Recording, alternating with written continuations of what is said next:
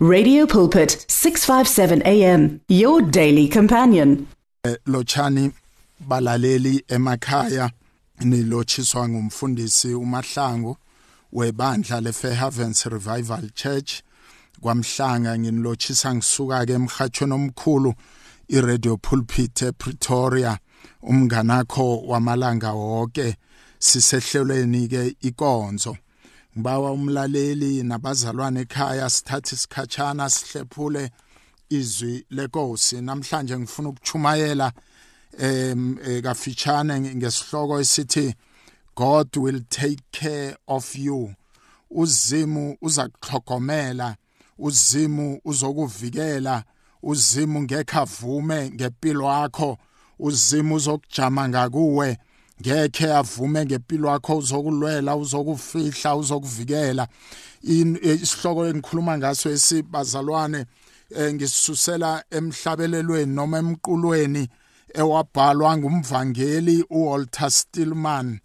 Eh awubhala eh bekufanele akhambe ayokuchumayela asuke ekhaya endaweni ekude ayokuchumayela kodwana ke nasekufanele akhambe nomndeni wakhe nonkosikazi yakhe nomntana wakhe eh wagula umama eh uthina kagula ke umvangeli kwafanele amchiya akhamba yokuchumayela indodana eh yomvangeli ithi kuye eh indodana ebeyineminyaka engu9 ithi kuye eh baba khamba uyokuchumayela uzimo uzakuhlogomela uma. Nasicala ke izwi lenkosi lithi wakhamba wakhamba ukuchumayela nakabuya wathola unkosikazi angqonywana eh wathatha lamagama akhulunywa indodana ukuthi baba khamba uzimo uza kuhlogomela uma ngilokho engifuna ukukuletha namhlanje kuwe mlaleli. Ngiyazi ukuthi ephilweni noma ekuphileni kukhona izimo lapha sizithola singaphakathi kwazo. Khona izimo ezingathokozisi izimo ezenza ukuthi na uqabanga ulile ebusuku ungalali kunezimo oqalana nazo. Ngichumayela nje noma ngikhuluma nje omunye ungilalele ekhaya kusimnandi omunye ngikhuluma naye nje omunye uyagula usesibhedlela abodoktar basazi ukuthi uguliswa yini abasazi nabo ukuthi bamhelebhe njani. Kodwana namhlanje ngifuna ukuza nalamagama abhalwa noma akhulunywa ilomntwana walomvangeli ukuthi babakhamba uyokuchumayela ivangeli uzima uzamhlogomela uma. Ngifuna ukuthi kuwe namhlanje hlangana noma phakathi kwesimo oqalene naso uzima uzokuhlogomela wena hlala ethembeni hlale wazi ukuthi uzimo uzokuhlogomela kunandaba ukuthi uneminyaka engangani uphakathi kwaleyo kinga. Akunandaba omunye ngichumayela nje ungilalele usejele ubochiwe ubotshelwe iqala ngakalenzi. Omunye uyahlupheka uhlutshwa babantu engabe bayamthanda. Omunye uyahlutshwa uhlutshelwa izinto angazange azenze. Kodwana ngithi kuwe namhlanje ngifuna ukumemezela empilweni yakho ukuthi akunandaba ukuthi kwenzekani. Kodwana ngithi uzimu uzokuhlogomela uzimu ngeke avume ngempilo yakho uzima uzokuba nawe uzima uzokujama ngakuwe. Ngifuna sifunde msinyana izwi lenkosi encwadini kaIsaya 46 sithome evesini ka4 sifike ku5 begodu bekube sekuluphaleni. Nginguyo wenza lokho iye beni benithukhele ngizakunisekela lokho mina engikubumbileko ngiyakukuthwala iye ngimi onisekelako nonisindisako. Zimutsho njalo khe ngilifunde ngelimi lesiyeni. I am your god and will take care of you until you are old and your hair is gray. I made you and will care for you. I will give you help and rescue you. To whom will you compare me says the lord? Is there anyone else like me? Nizangifanisa nobani? Nanyana ningilinganise nobani ngubani eningangimadanisa naye na? Kobana silingane na? Baba leli izwi lakho liyaphila linamandla. Baba izwi lakho nalikhuluma isimo asihlali sinjalo. Baba izwi lakho nalikhuluma simo siyachuguluka baba naba abalaleli nabazalwane emakhaya balalele. Khona izimo ezibudise empilweni zabo. Ngiyakhuleka ke baba namhlanje ukuthi khuluma ngelizwi lakho ulethe ithemba khuluma baba ngezwi lakho. Suse isimo sibudisa abaphakathi kiso. Khuluma baba ubahlogomele ubanakekele. Gameni elinamandla lenkosethu uJesu Kristu. Amen and amen. Uzima uthi bekube sekuluphaleni. Size sibe nenhluthu ezi ezimhlophe. Uzimethu uyosihlogomela ngekho asilise ngekho asichiye uthi nizammadanisa nobani? Nizamlinganisa nobani ozanihlogomela na? Ngifuna ukuthi kuwe ophakathi kwesimo namhlanje. Ngifuna ukuthi kuwe ophakathi kwezimo oqalene nazo. Ngithi uzimethu uyokuba nawe ilanga nelanga indlela yonke. Angekho akulise uyokunakekela. Uzimethu angekho akulise uyokukhamba nawe ungarareki uzokuthwala uzokuphuma phakathi kwaleso simo. Uthi uzokumbesa ngamaphiko wothando lwakhe uyokunakekela uzimethu uyokunakekela kuze kube sekugqineni uthi nanoma uphakathi kwezimo ezibudisi ezenza ihliziyo yakho ingathi ingafuna nokujama uzima uthi uyokuba nawe angekho akulise lapho ingozi zikuvukela lapho abantu bakuvukela lapho izitha lapho abathakathi bathi kuwa ngekho uvuke uyokufa. Ngifuna ukukutshela ukuthi ungathuki uzimethu uyokuba nawe kuze kube sekugqineni uyokuthwala ukhona angekho akulise. Nanoma sekunebhulethe elibhalwe igama lakho bazothi bazokudumuza. Angekho likudumuze uzimethu yokuba nawe. Phakathi kwesimo oqalene naso ngifuna ukumemezela ukuthi uzima uyaphila. Ngubani ongamadanisa naye? Uzima uthi uyokuvikela uzube liqhegu ube silukazi. Alokakufihlile lapho ingozi ziza kuwe yena uyoba nawe. Lapho unganalitho yena uzokunikela izinto. Lapho uyokulala endlini kunganakudla ngiyakuthembisa uzimethu. He will provide for you. Angekho akulise uzimu uyokunakekela. He will take care of you zimethu ngoba unguzimo omuhle othlogomelanako uthi ngekhe kube nento oyoyibawa ngekho akwenzele yona. Zimethu yokuhlogomela uthi akunandaba inlingo eziyokuza ziqalane nawe uthi yena uyokuhlogomela thi njalo bambelela kuye yiza kuye. Uthi yena muhle ulungile uyoba nawe kuze kube sekugqineni nalomhlabelelo siuhlabelelako sithuma uJehova umoya oyingcwele ubengenathi ngabe sesihlulekile Nkosi yami. Nangabe kade ungajamanga ngakithi ngabe sesihlulekile. Zimethu uyasinakekela. Akunandaba ukuthi kwenzekani.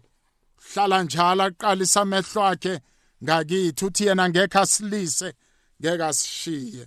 Zimu uyabazi ubudisi oqalene nabo uyazazi inkinga ezisempilweni yakho zimethu muhle ulungile. Ukhona ngaso sonke isikhathi. Uyasivikela.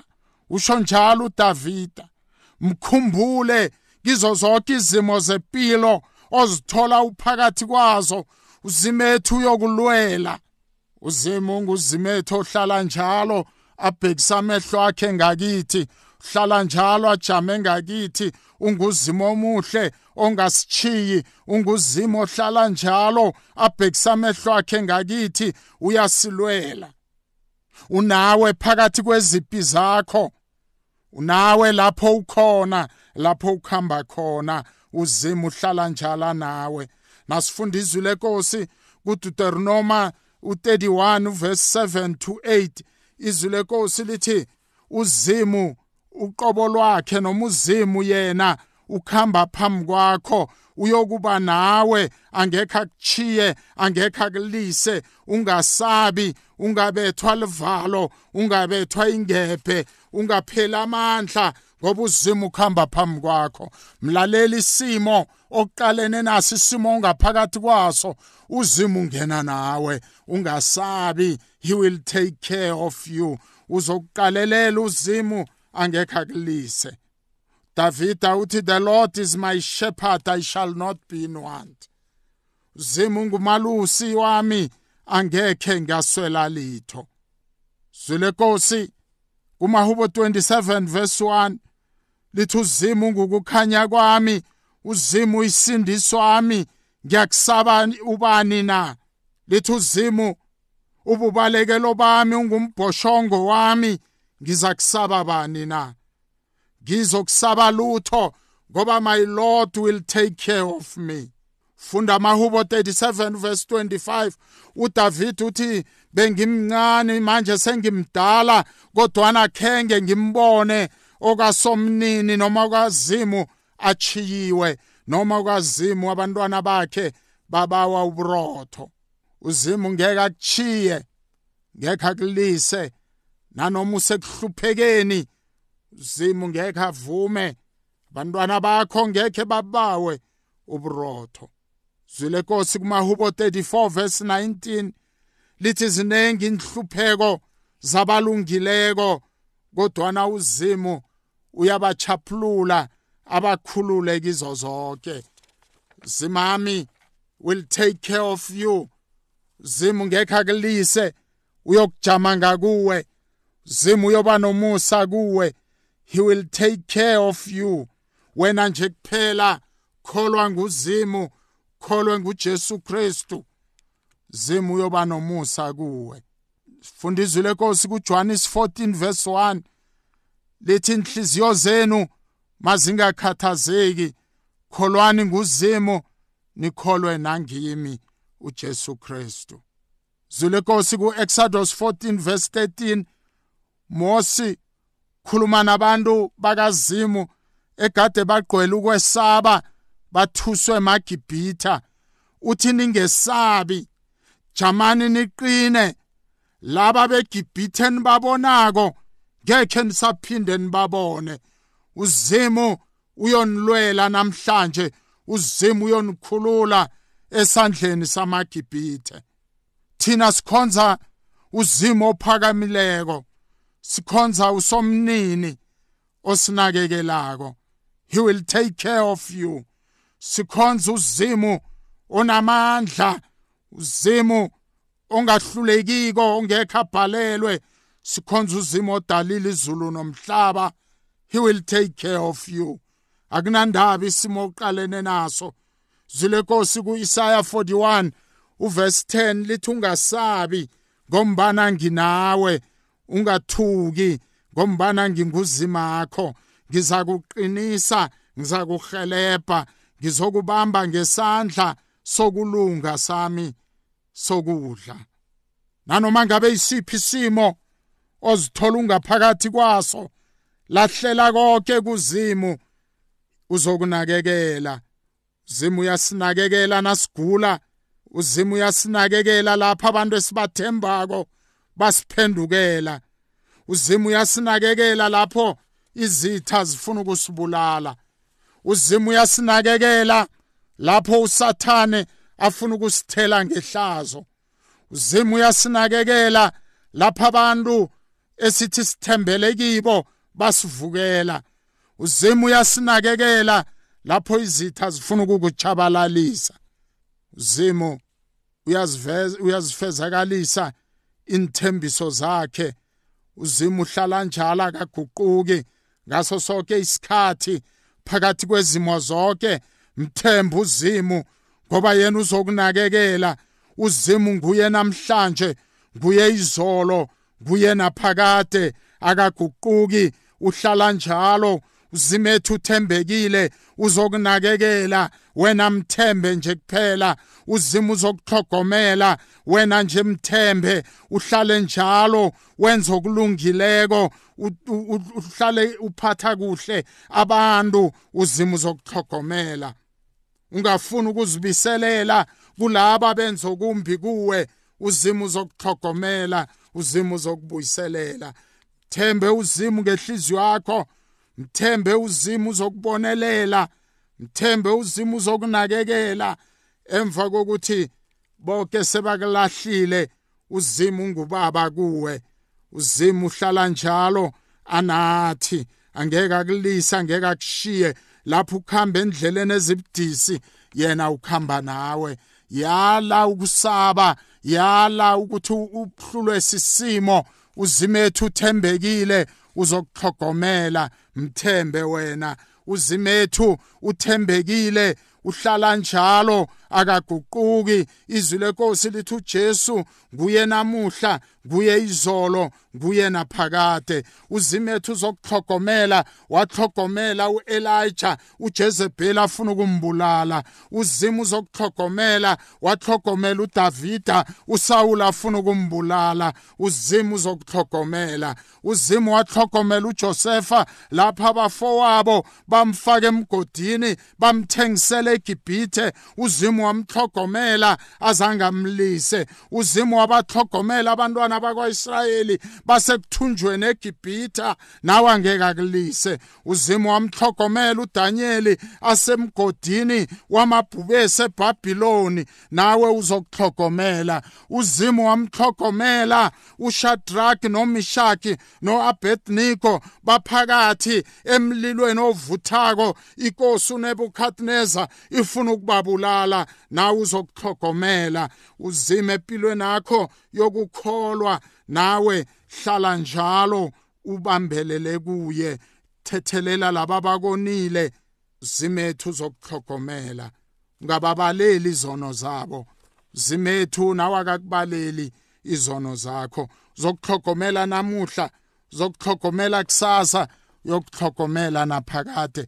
Athatha izinto uziphathe ngezakhe izandla kodwa anavumela uzimo akuhlogomele uzimu uzokuthatha konke okukuthwenyako akuphendule akwenza ukuthokoza. Wena kholwa nguye uzimethu uyahlogomelana ngeke akushiya ngeke akiyeke he will take care of you in the name of Jesus. Wena nje jama uthule ebukhoneni bukazimu. Zimethu uzokuhlogomela jama uthule. Our God is in control. Of your life. He will deliver you. Our Lord will take care of you.